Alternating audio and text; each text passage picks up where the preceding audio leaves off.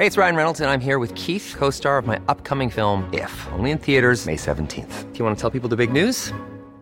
All right, I'll do. Sign up now and you'll get unlimited for $15 a month in six months of Paramount Plus Essential Plan on us. Mintmobile.com slash switch. Upfront payment of $45 equivalent to $15 per month. Unlimited over 40 gigabytes per month. Face lower speeds. Videos at 480p. Active Mint customers by 531.24 get six months of Paramount Plus Essential Plan. Auto renews after six months. Offer ends May 31st, 2024. Separate Paramount Plus registration required. Terms and conditions apply if rated PG.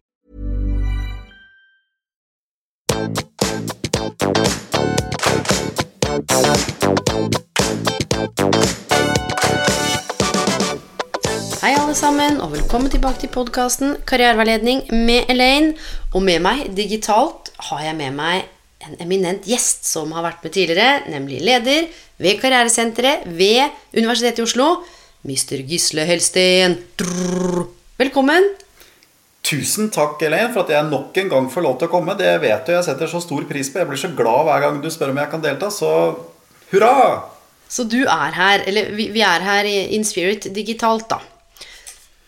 Ja, det er vi. eh, Og det funker egentlig ganske godt eh, på podkast. Og så må jeg si da til de, de av dere som har hørt på oss en stund Nå har jeg faktisk møtt Elaine også i fysiske livet, så nå vet jeg at hun faktisk fins. At det ikke er en avatar. Hun er der. Så nå har vi møttes. Det har også vært veldig hyggelig. Du er så fremtidsretta. Avatar og AI og Men du, i dag er tema nettopp oppsigelsesperioden og oppsigelsestiden. Først og fremst så skal vi ta for oss da nå eh, hvis man har sagt opp selv. Men det finnes jo ulike grupper her, så temaet er hvordan håndtere oppsigelsestiden. Vi starter litt sånn åpent, og det har kommet inn veldig veldig mange spørsmål som vi skal reflektere litt rundt etter hvert. Men når jeg sier 'holde ut' eller 'stå løpet ut' i oppsigelsestida, hva, altså hvilke tanker dukker opp hos deg da?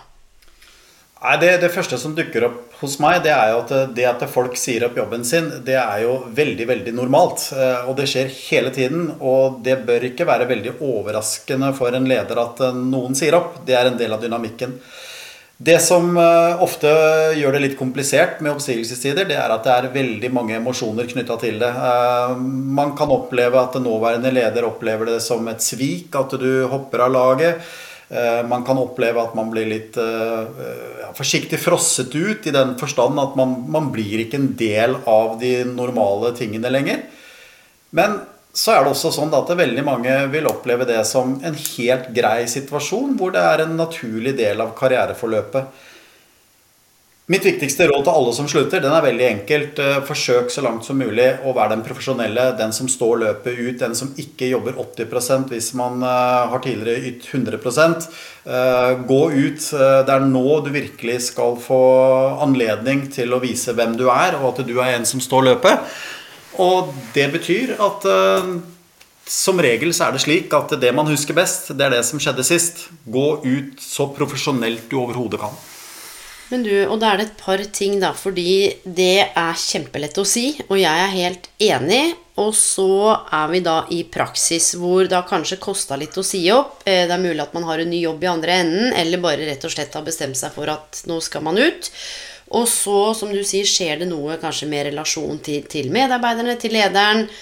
Um, hva slags ansvar tenker du at en leder da har i en sånn i en sånn type relasjon i noe som er så tidsbegrensa som ja, ofte tre måneder, da, hvordan bør man håndtere det? Sett at det har vært en ganske ryddig, ok runde og øh, Ja, det er ikke, det er ikke, her, er- vi snakker ikke konflikt her.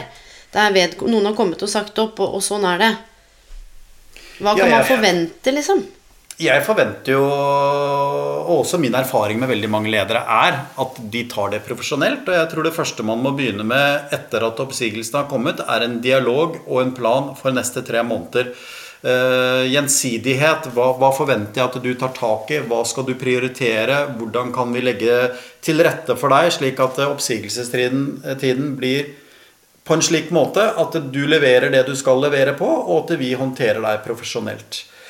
Eh, En leder bør eh, være bevisst dette ansvaret med at det ofte er en eh, stor avgjørelse for den som har sagt opp. Og nettopp derfor være en som viser at vi er en bedrift som skal sørge for at oppsigelsestiden blir bra. Og det betyr jo også noe for omdømmet til bedriften. altså Gjensidighet er også på det siste, husker du best. Så en profesjonell, god avslutning fra leders side, det er leder tjent med. Du, og det er jeg helt enig i. Og jeg har også møtt mye fantastiske både ledere og arbeidsgivere som virkelig har villet folk vel og ønsket de ut hoveddøra med både takketaler og blomster og avslutning og gode referanser så er det ikke bestandig sånn. Og det har kommet inn et spørsmål hvor den som sier at jeg er i startfasen av oppsigelsestiden, hvor jeg skal skifte jobb, og jeg har hatt en veldig god relasjon til de rundt meg, til lederen, og jeg har også jobbet så godt jeg kan, og dermed også vist til gode resultater. Men nå opplever jeg at sjefen min er eh, ja, rett og slett litt sur på meg. Mm.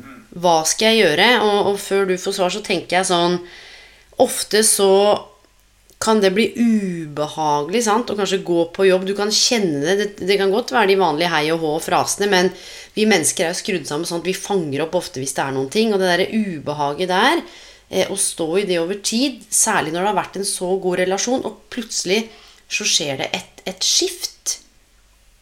Hvordan skal man forholde seg til det? Rett og slett en leder som blir kort, kald, sur?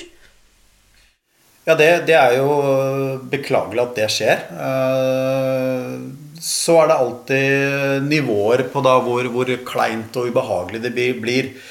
At det er en endring, det er det ingen tvil om. Så at man kan oppleve en annen type relasjon, ja, det tror jeg er ganske naturlig. Eh, hvis det har vært en god og lang relasjon, så tror jeg faktisk at det, det å faktisk be om et lite møte med sjefen og, og fortelle litt om hvordan du opplever det, om det skal være sånn, Eh, så tror jeg det kan være ett sted å starte. For det er ikke sikkert at den sjefen vet at vedkommende da har snudd opp ned på væremåte eh, etter at det kom. Hvis det blir fortsatt eh, en opplevelse av ja, hva skal vi kalle det, nærmest en fiendtlig innstilling, eller at jeg skal gjøre dette er ubehagelig for deg, så er det jo en grense også for hva som er grei atferd. Og da må man selv finne ut av hvordan skal jeg stå i dette. Og hvis det begynner å tendere til det jeg kaller for utfrossing, det jeg kaller for eh, på kanten til mobbing, så må man jo agere etter hvordan man da tar det. Og da, da kan det være greit å prate med et verneombud. Det kan være greit å prate med andre instanser, eh, en fagforening eller hvem måtte være. Innhente informasjon. Eh, jeg vil ikke anbefale noen å, å, forsøke å oppnå en sykemelding som første tiltak. Eh, fordi det kan man kanskje få, men det er jo ikke heldig, det heller. Så prøv mange ting, og gjør din del av den profesjonelle atferden. Og hvis du da bare, bare møter motstand, ja vel, så må man se hva neste skritt skal være. Ja, så tenker Jeg jeg syns det er litt spennende noen ganger å synse, for det gjør jeg jo av og til. Det er jo mye som er evidensbasert. og eh, som vi kommer med, som liksom er forankra i forskning. Men det er noe med Har du noe forståelse for eller hvorfor eh, denne lederen da kan bli litt sur, eller litt sånn kjei? Ja, det har jeg. Uh... Tenker du det handler om? For jeg er alltid nysgjerrig på hva, hva er det som ligger bak.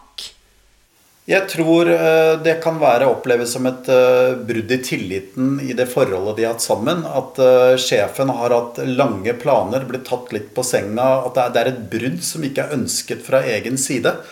Og da kan man kanskje opptre på en irrasjonell måte med å på en måte straffe istedenfor å vise forståelse. og det, det er jo noe enhver leder bør holde seg selv for god til å gjøre. altså Det er direkte uprofesjonelt.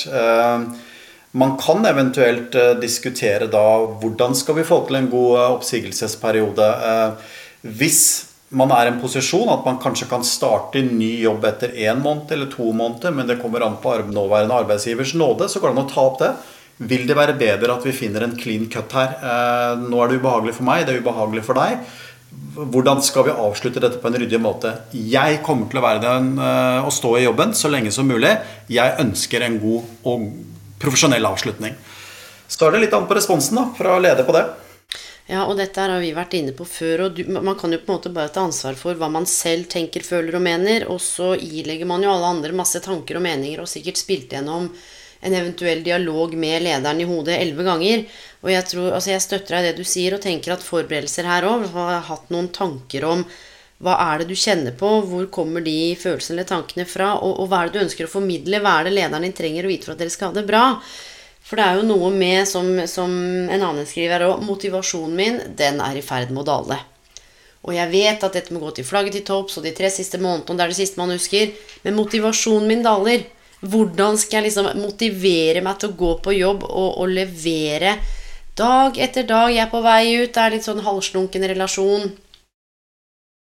Ja, Mest sannsynlig så, så, vil arbeidsoppgavene, i hvert fall i mange stillinger, de vil også fade litt ut. Altså Du vil oppleve at du ikke blir invitert med på prosjektmøter, eh, framdriftsmøter, eh, årsplanlegging. Det er en del møter man ikke vil bli en del av, og det er helt naturlig at det skjer. Eh, jeg tror igjen altså Jeg er veldig opptatt av dialog. Fordi det, er rett og slett en helt vanlig dynamikk at folk slutter. Og det at motivasjon daler, det har jeg den største forståelsen for. Men da blir det på en måte å kjempe seg inn igjen og ta den økta som skal til for å være den profesjonelle. Det handler litt om å, å, gå på trening den dagen du egentlig har mest lyst til å se på TV. Det handler litt om å gjøre noe som kanskje ikke er lystbetont, men det er på en måte en viktig del av det å være profesjonell. At du orker å gå over den uh, terskelen selv om du egentlig ikke vil det. Uh, det sier mye om deg som person.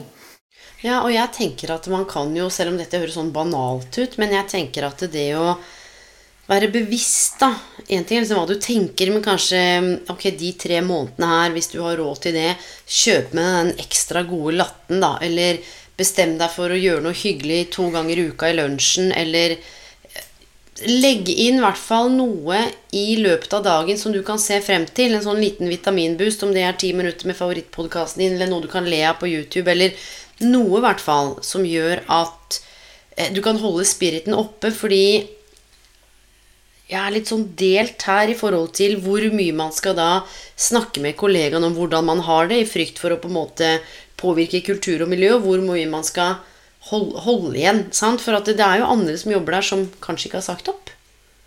Og hva kan det gjøre med en kultur, da? For det er også et spørsmål. Hei, er oppsigelsestid, snart ferdig. Kjenner jeg har lyst til å spy eder og galle. Help. Ja. Uh, ikke gjør det. Det er det korte svaret. Det er også lettere sagt enn gjort, ass. Ja da. Uh, det er det. men det som jeg tror er viktig for alle arbeidstakere som sier opp, og det, det, tror jeg nesten gjelder i alle tilfeller. Det passer aldri for sjefen at du sier opp. Altså Uansett når du sier opp, uansett hvordan du gjør det, så passer det ikke. Det er noe som er 'Å nei, nå må jeg ut øh, og lete'. Og det er det som er viktig å ta hensyn til i, i eh, analysen av sjefen. da det er ikke bare at du slutter. Det skaffer ganske mye merarbeid også. Jeg må si fra meg de og de møtene, for nå må jeg ut og rekruttere. Eh, hvordan i all verden skal jeg forholde meg til kundene, hvor du er en viktig del, og de det kjenner enn deg? Det koster masse penger å rekruttere tid. Det koster masse tid. penger. Det er, altså For å bruke et godt, gammelt norsk ord som heter Det er mye mas for sjefen at du slutter. Eh, og det mas og det maset, det må, det må, faktisk leder stå i. Det er jobben til vedkommende. Yes, men forstå det som arbeidstaker. Ja, og det var det jeg tror, nemlig at der spiller ego en viktig rolle. Nettopp som du sier at, nå, Husk at nå snakker vi litt generelt, dette er jo ikke symptomatisk for alle, men nå er vi der hvor det på en måte ikke er helt ok. Hvor man tenker sånn Å, herregud, ja, men kan du ikke bare øh. Og ikke sant, masse styr, og det er strategier, og ting skal på plass, og så er det noe med å kunne ikke være oppi hodet til den andre, men å kunne kanskje anerkjenne det og si du og dette her kan være et konkret tips. Det at jeg sier opp, altså hvilke tanker gjør det, eller er det noe jeg kan bidra med? Eh, er det noe opplæring skal jeg lage? For hun ene som jeg har jobbet med tidligere, som er en fantastisk dame, som var i oppsigelsestiden, hun lagde en form for sånn slags opplæringsperm til nestemann. Ja, det er jo veldig framsynt. Utbytte av det. Fordi hun var såpass proaktiv. Så jeg tenke sånn Å, herregud, så bare hvordan kan jeg gjøre dette kanskje bedre og enklere for den som kommer etter meg? Jeg vet at sjefen min har mye å gjøre, så det blir kanskje ikke den mest optimale opplæringen. Det ga mening. For henne så det å finne noe som gir mening, kanskje gå i dialog og si ønsker at jeg skal kanskje være på noen intervjuene, komme inn og forklare litt om jobben jeg har hatt. Det er en del ting man kan ta ansvar for sjøl. Men sånn som denne spørsmålet her, hvor sjefen i utgangspunktet bare er og blei veldig vanskelig, så er det jo liksom begrensa hvor mange ganger du skal banke på den døra. Det det. Sant? Og det er jo noe med å faktisk ta på alvor at nå begynner det å bli litt eh, toxic, og derfor så daler motivasjonen.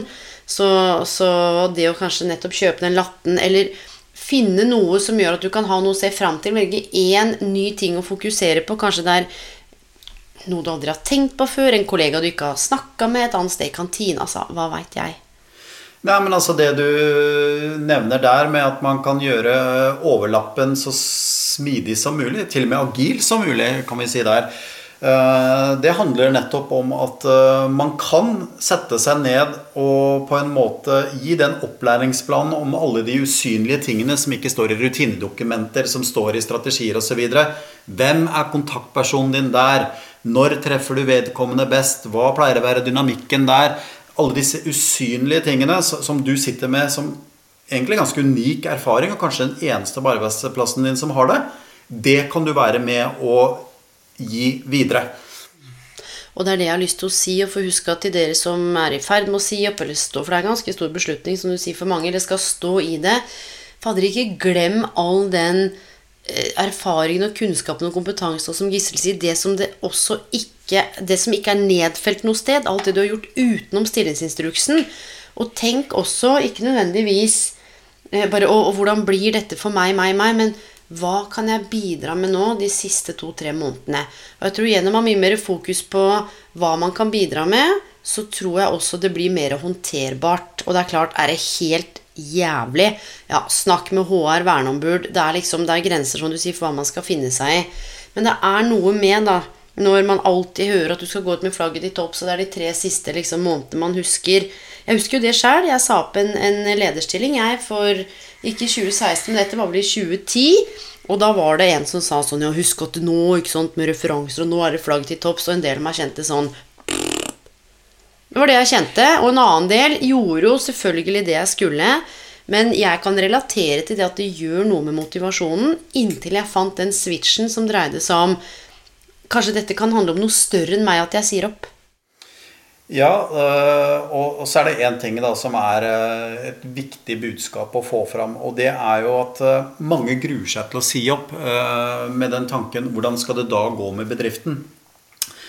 Og dessverre, folkens, det kommer nok til å gå aldeles fint. Eh, Og vi fleste av oss er veldig erstattelige. Og det er ekstremt få hvor øh, det er så personavhengig at det, alt rakner fordi at du sier opp.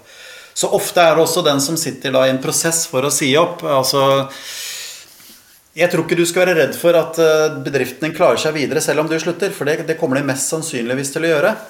Og vi har jo prata mye om overganger eh, tidligere. Og dette er en overgang for deg, og det er en overgang for arbeidsgiver. Og gjør den så smooth som mulig, så tror jeg mye er ordnet. Men du, du er inne på noe viktig, og nå, for dette er også noe som har kommet inn. og er helt, Det er så sjukt, for du veit jo ikke spørsmål, men dette er en nydelig overgang. Eh, Hei, jeg vurderer å si opp jobben min. Jeg har tenkt på det, og det står nesten halvannet år, men jeg får så dårlig samvittighet. Og det står ikke på økonomien, for jeg skrev litt tilbake. Det er ikke økonomien, full støtte, altså. Men kjenne på hvordan det skal gå med, med sjefen og med rett og slett av dårlig samvittighet. Det kommer til å gå fint, tror jeg. Eh, Og den dårlige samvittigheten, den, eh, den skjønner jeg at du har. Og det er jo en fantastisk fin egenskap at man har så mye lojalitet til arbeidsplassen sin at man, man gruer seg nettopp for å bryte det båndet.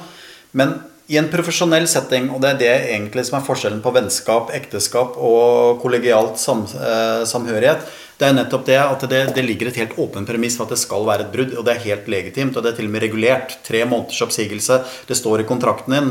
Eh, F.eks. når man gifter seg, så får man ikke kontrakt som viser hvordan du kommer deg ut av det. Det, det gjør man når man begynner å jobbe. Eh, Så det er en viktig endring. eh, Og det er helt naturlig at man sier opp. Så, så hvis du går og tenker på det, ikke tenk så mye på det, bare gjør det. Og gjør jobben så lett som mulig. Så jeg har lyst til å si én ting, og det er jo at vi må ikke lage noe skremselsbilde her. At de aller fleste sjefer er vonde og vanskelige å ha med å gjøre.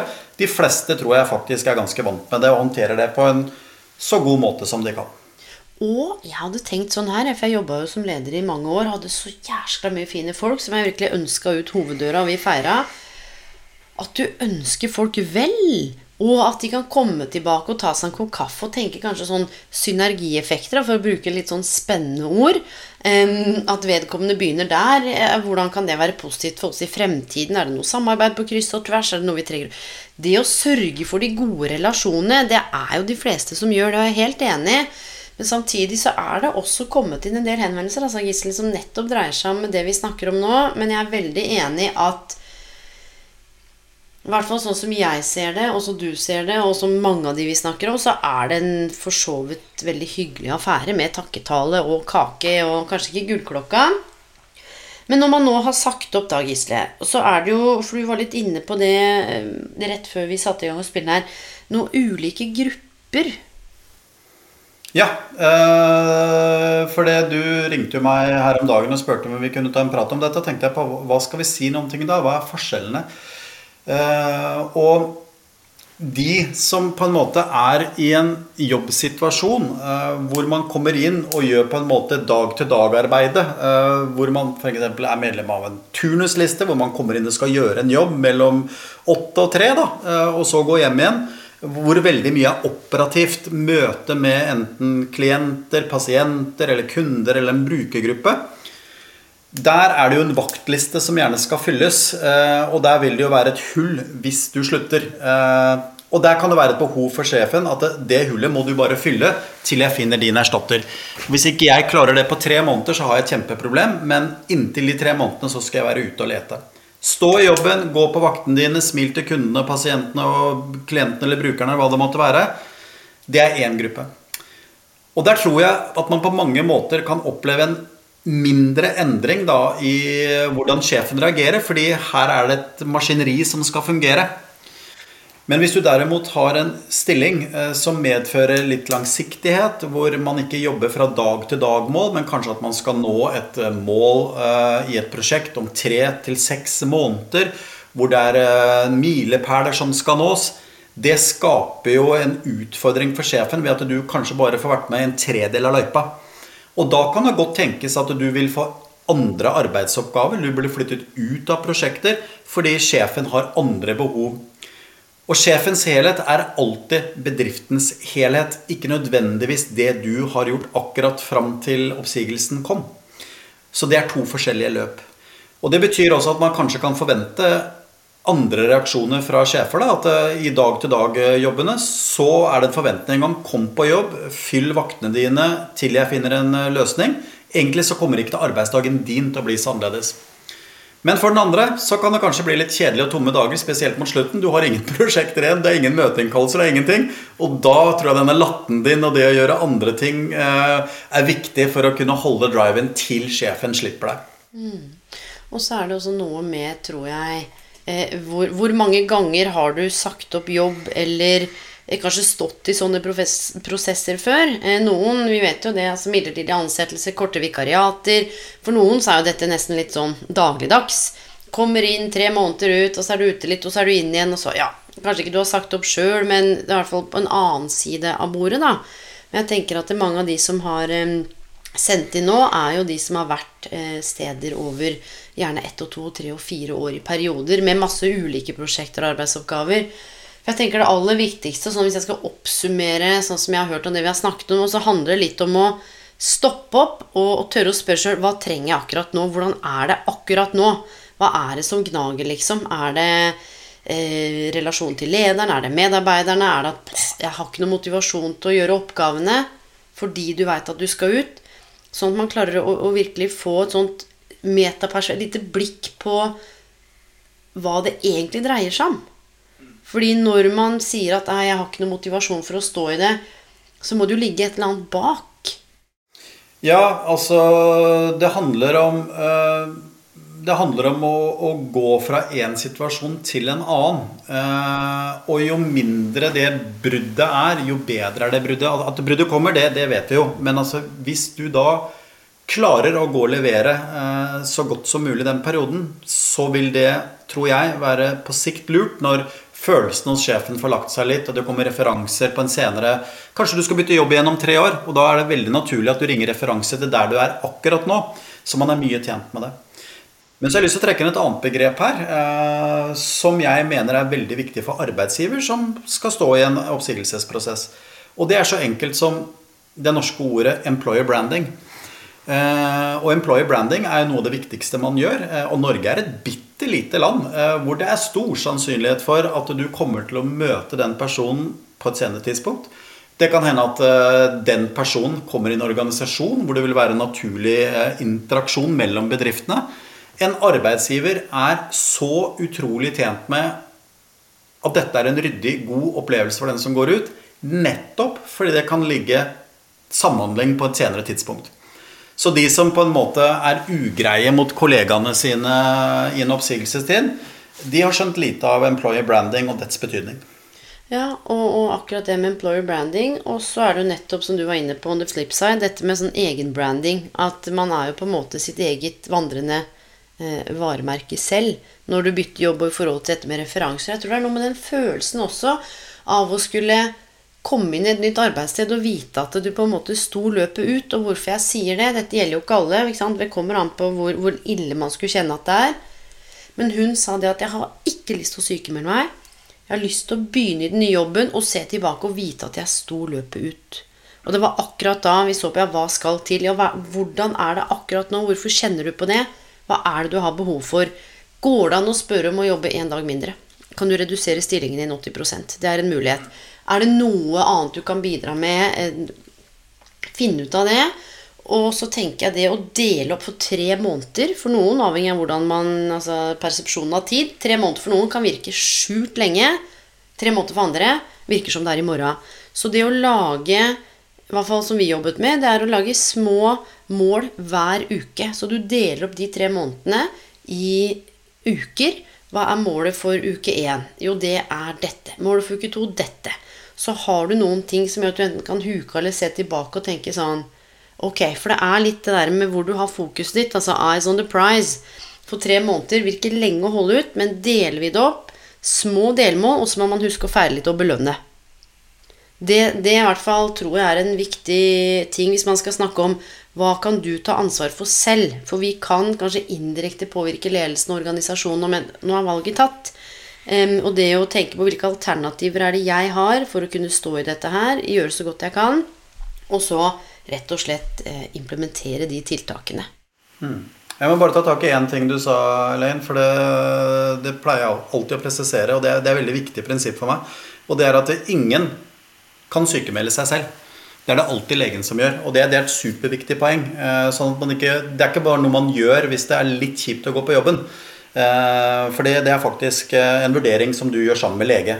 Og det finner man ofte ut av, men det er bare et sånn viktig prinsipp. Det er, ingen kan sykemelde seg selv. Og så er det noe annet, da. Og det, det syns jeg er eh, Når vi prata mye om utfordringene med å si opp, og problemene og maset arbeidsgiver, og så kommer jeg ofte over til å se på men hvilke muligheter er der, da? Eh, og det er ganske mange eh, hvis man ser på det. Ok, nå skal vår relasjon slutte. Men jeg kommer til å være utrolig heldig som sjef at jeg har én person jeg kjenner i denne organisasjonen.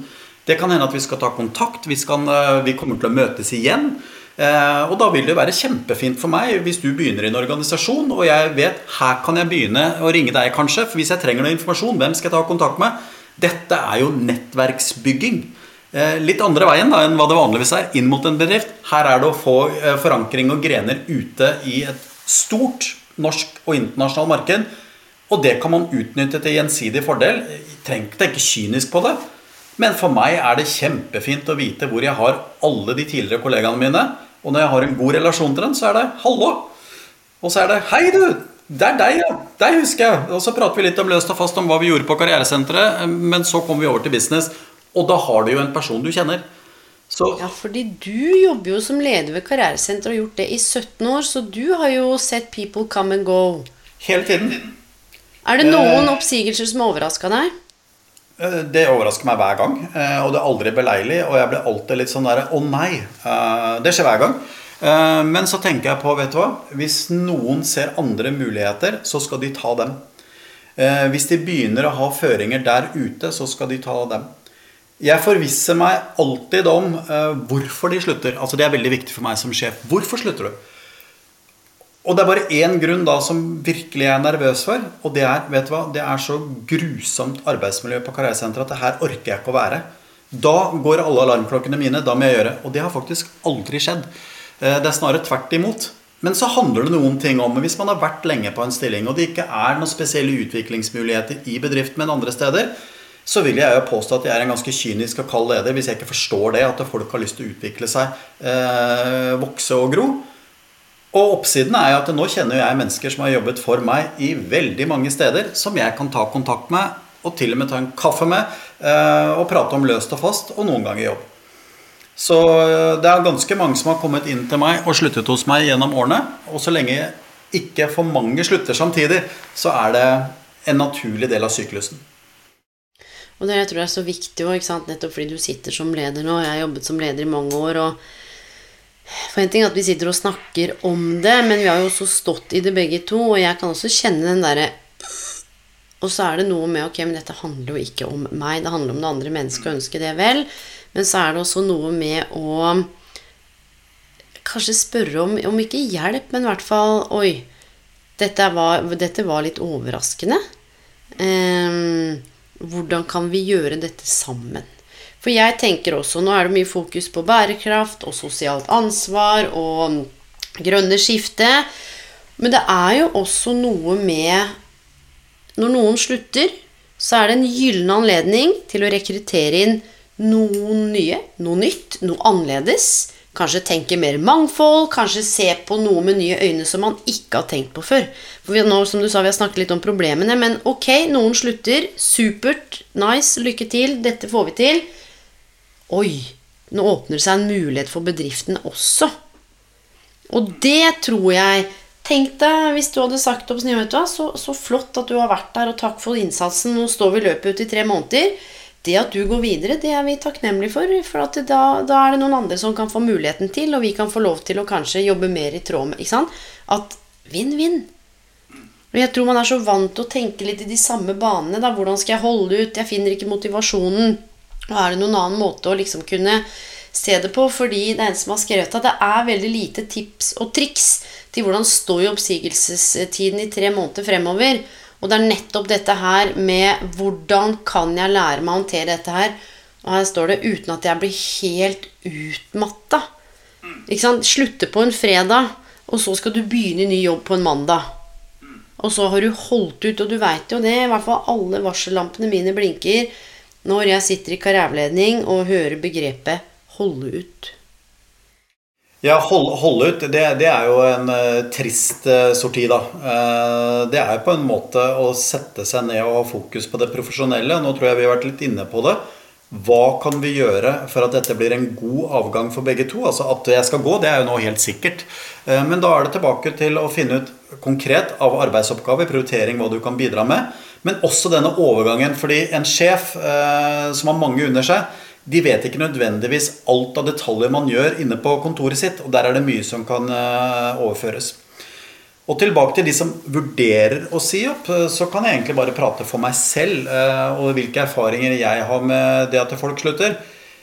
Det er at når du kjenner at du begynner å bli lei jobben din, du mister litt motivasjonen din, og du begynner å sondere terrenget, så la det være din lille hemmelighet. Ikke snakk om det miljøet. Ikke involver kollegaene dine for mye i det. For det skaper en litt sånn ugrei kultur ved at du fortsatt er der. Du fortsatt er under kontrakt. Du skal være der lenge. Men så begynner man å komme da med litt sånn 'Dette er ikke noe kult sted. Jeg kjeder meg. Jeg må gjøre noe annet.' Fordi det, det, handler vel egentlig om sjefen. Han har en jobb som skal gjøres, og der trenger han mannskap som er med. Eh, så hvis du begynner å komme på de tankene, og de kan godt komme, eh, men hold de litt for deg selv. Begynn da å sondere terrenget, finn ut din exit, og så tar vi den store praten når du er klar til da å, å, å si opp.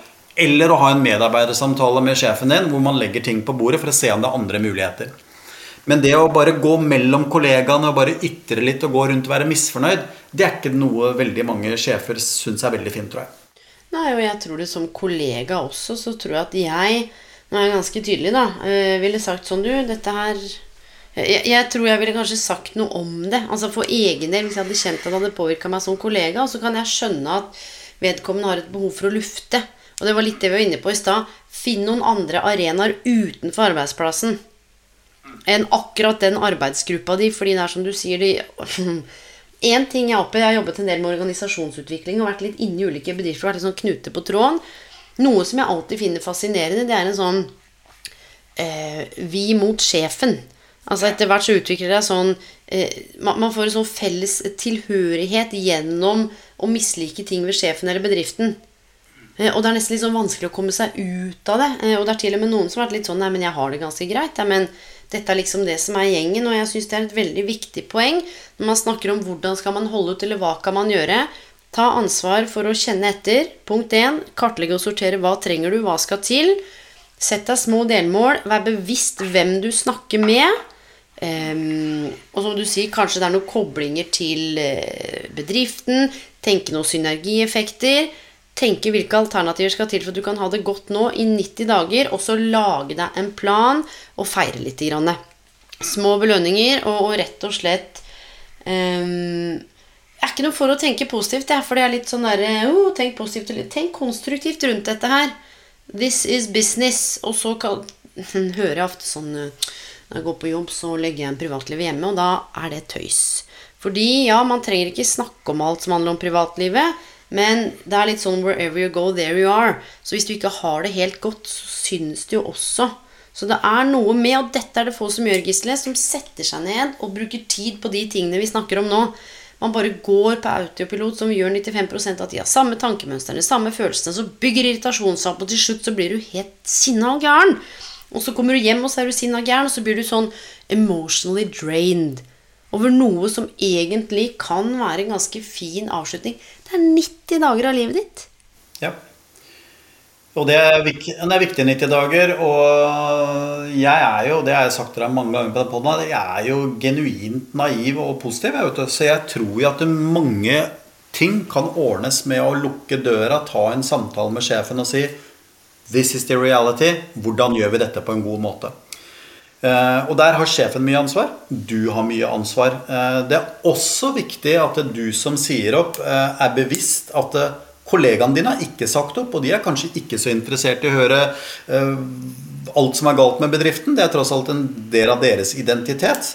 så det, det, er heller Altså, de skal også involveres. men jeg tror at de fleste vil andre vel. Og det er også viktig i den 90-dagersperioden. Vil andre vel. Prøv å legge til rette for hva kan jeg gjøre. Er det noe jeg kan gjøre? Jeg ser at du er opptatt på disse prosjektene. Kan jeg ta noe mer av disse oppgavene for deg i en periode?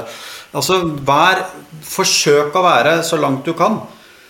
Og så kommer vi til de grensetilfellene hvor, hvor, ting skjærer seg, hvor sjefen er uh, teit. og da, da, må man koble på andre ting, for man skal ikke ta imot alt. Altså Det skal man aldri gjøre i arbeidslivet. Og det er det neste. Det handler om å vite hva du er verdt. Og liksom, jeg sier det, Du får ikke det du fortjener, men det du tolererer. Og da må du vite hvor grensa di går. Sant? I forhold til hvor sur eller bitter sjefen din kan være. Og, og du er inne på noe veldig viktig der også. For du sa at har du det litt ugreit, så spar kollegaene. Men det kan også være at du har sagt opp og har det ganske greit med det.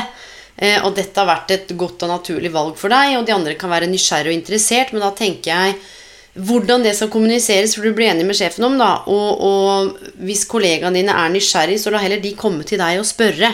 Enn at man sitter midt i lunsjen og sant, feirer og 'herregud, nå skal jeg bort fra this hellhole'. Jo, jo, men du, jeg, jeg har vært mange rare steder, og det er en som har sagt 'fy faen', ja, det var liksom ikke måte på. Men vi har alle fasetter og alle varianter og variasjoner. Noen sier opp, det er helt fantastisk, man er bestevenn med sjefen 20 år etterpå. For noen er det helt katastrofe. Og så alt imellom. Jeg tror det viktigste er, og det som på en måte er den røde tråden i det som er kommet inn, er hvordan skal jeg håndtere det? Hvordan skal jeg stå i de forhold til motivasjon og hva som er viktig å tenke på? Og det føler jeg vi har dekka sånn ganske greit. Og så er det noe lovverk her også for den som skriver Hei, jeg har tjent ganske mye penger eh, gjennom å, å nådd noen mål i forhold til bonus. Og nå får jeg beskjed om at siden jeg sier opp, så får jeg ikke pengene mine ut. Hjelp. Jeg jobber ikke med det juridiske, men hva tenker du? Eh, at vedkommende bør oppsøke noen som jobber med det juridiske. Her skal jeg si at det, Der kjenner ikke jeg til det. og jeg, altså Det er en av få prinsipper jeg har, som jeg alltid overholder. Når vi beveger oss innenfor jussen, krav og rettigheter, så kontakt eh, noen som kan juss. Et veldig godt sted å begynne er fagforeninger. altså De kan eh, veldig mye om den type ting. Uh, og Så kjenner ikke jeg historien her i det hele tatt om hva som er avtalt og ikke avtalt. Men, men oppsøk hjelp. Ikke bare ta det for god fisk og si 'det var dumt at jeg ikke fikk 100 000 der'. Ja, ja. Uh, Se i kontrakten. Se i kontrakten din, for du bør ha en arbeidskontrakt. Der står det også oppsigelsestid. Der står liksom dette med feriepenger, hva du skal få etterbetalt, hva du har tjent opp. Ha alle sånne ting klart for deg. Og du kan vel få gratis eh, hjelp på Jussbuss. Det er masse på nettet. Arbeidsmiljøloven um, som du sier, fagforeninger, hvor man kan få klarhet i det her. Altså, for ja, det tenker jeg er viktig, for det er sånn som skaper støy, ikke sant? Ja. Og så har du jo til noen stillinger da, så er dette med oppsigelse Det kan jo også innebære karantenetid, sånn at du setter deg inn i hva det er for noe. Eh, kompensasjon hvis du blir eh, fratatt arbeidsplikt. Det kan også skje at du sitter i stillinger hvor det er så mye sensitivt at du eh, får ikke lov til å komme på jobben. Altså det, det, kan være noen som er i den posisjonen også. Så det, det er veldig viktig å tenke igjennom hva, hva står det i kontrakten din før du går og sier opp, og, og hva slags rettigheter har du da. Uh, og det, det, vil være noen steder hvor du da ikke får lov til å komme på kontor på mandag, hvor du får lønn i oppsigelsestiden din, og noen tilfeller også med en karantene. Uh, det har vi jo sett fra politikken, at det er ikke greit å jobbe i et PR-byrå og så gå rett inn på Stortinget eller andre veien uten karantene. Så det, det, er eh, mange varianter, men den siste biten her tilhører kanskje mer sjeldenheten. Det mest normale er vel at man har en kontrakt med en oppsigelsestid som man skal ære som arbeidstaker på en best mulig måte. Mm, og så er det jo sånn avslutningsvis at arbeidstager er jo ganske godt beskytta av arbeidsmiljøloven. Eh, så det er det bare viktig å liksom Igjen, da, du får ikke det du med det du tolererer, og liksom Fader ullan, dette her skal jeg sjekke opp og si Ikke bare tall for gå. Nei, nei, ja, men da beklager jeg. Altså, unnskyld at jeg er til. Faen, stå på kravet, altså. Og få noen som kan hjelpe deg, eller se på det, eller i hvert fall løft det. Og ikke finne deg i hva som helst. Men samtidig så har vi også snakka om at de fleste prosesser er ganske ok. Bare så det er viktig å si igjen. er det noe annet, Gisle, du tenker er viktig sånn avslutningsvis i forhold til dette med tips og triks til hvordan håndtere en oppsigelsestid når man har sagt opp selv?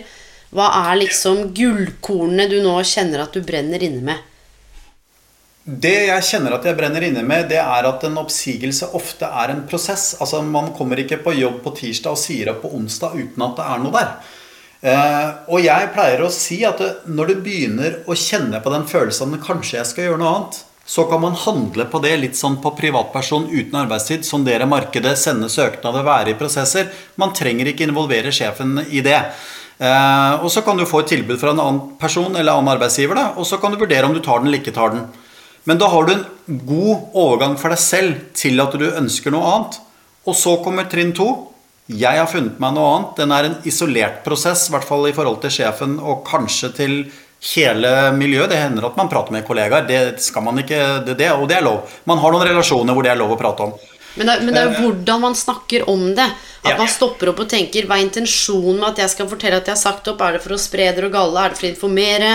Det er så fantastisk kultur. Jeg kommer til å savne folk. Altså, hva er det som gjør at jeg skal gå ut med det nå, og hvordan skal jeg gå ut med det for å kanskje skape minst mulig bølger? Eller er det sånn at jeg ønsker å skape bølger? ikke sant? Det... Nei, man har, et, man har, et, stort ansvar for å ikke Der, uh, hva skjedde der? Men vi går videre.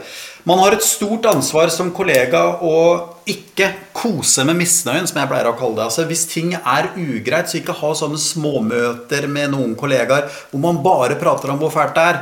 Altså, da bør man egentlig eh, prøve å sette en stopper for det, for det er så lite konstruktivt.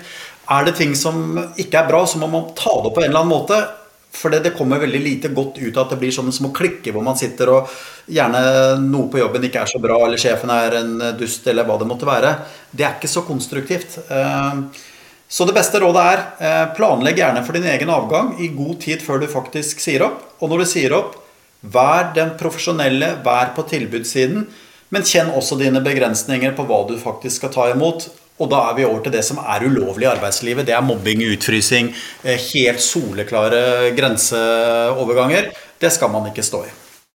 Nei, og jeg tenker og håper at vi i hvert fall har fått delt noen tanker og refleksjoner. Og dette er jo også individuelle prosesser. Nå snakker vi generelt, og det er ikke sånn at one shoe fits all. Noen trenger fire oppfølgingssamtaler, noen tenker drit og drann og bare stå i det og kjøre på og finner den driven. Andre trenger kanskje noe annet, men det handler om refleksjon og innsikt av bevissthet i forhold til hva er det jeg faktisk står i? Hva er det som gjør at det påvirker meg? Og hvilke grep kan jeg ta ansvar for? Og that's it. Og det er 90 dager. Det skal kunne være mulig å, å håndtere så lenge man lager seg en god plan, tenker jeg. altså.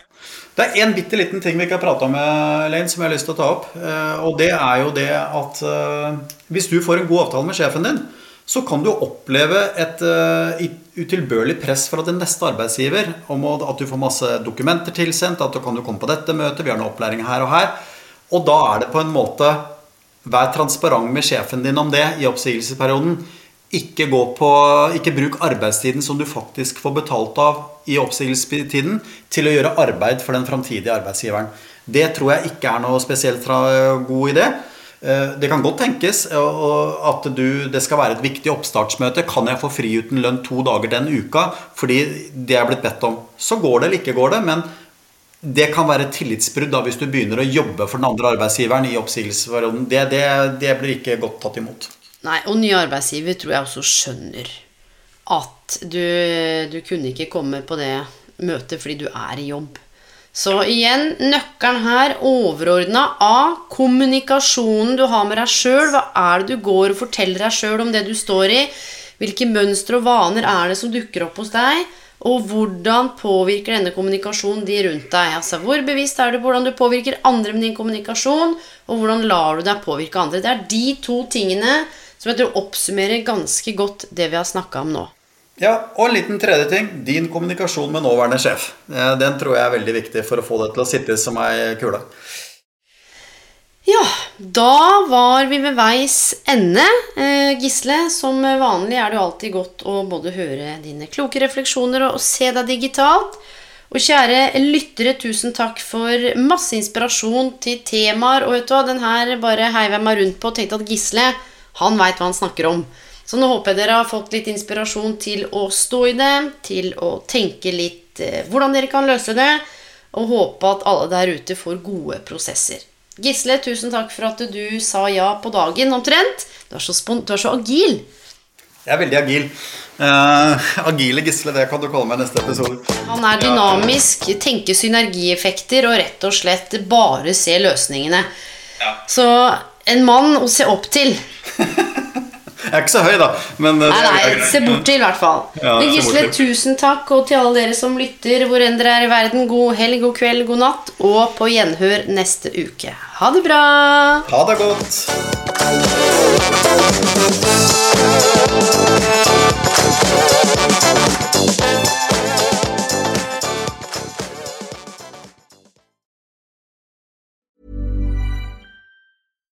My business used to be weighed down by the complexities of in person payments.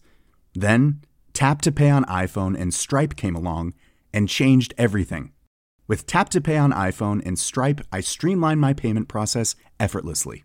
Now I can accept in person, contactless payments right from my iPhone. No extra hardware required. What's truly remarkable is how I can cater to all of my customers' payment preferences. Whether they're using cards, Apple Pay, or other digital wallets, Tap to Pay on iPhone and Stripe ensure a smooth checkout experience every time. And it's not just me. Stripe helps businesses of all sizes, from local markets to global retailers, scale quickly and stay agile. To learn how Tap to Pay on iPhone and Stripe can help grow your revenue and reach, visit stripe.com/tapiphone. Hold up. What was that? Boring. No flavor. That was as bad as those leftovers you ate all week. Kiki Palmer here, and it's time to say hello to something fresh and guilt-free. Hello Fresh. Jazz up dinner with pecan-crusted chicken or garlic butter shrimp scampi. Now that's music to my mouth. Hello Fresh. Let's get this dinner party started. Discover all the delicious possibilities at hellofresh.com.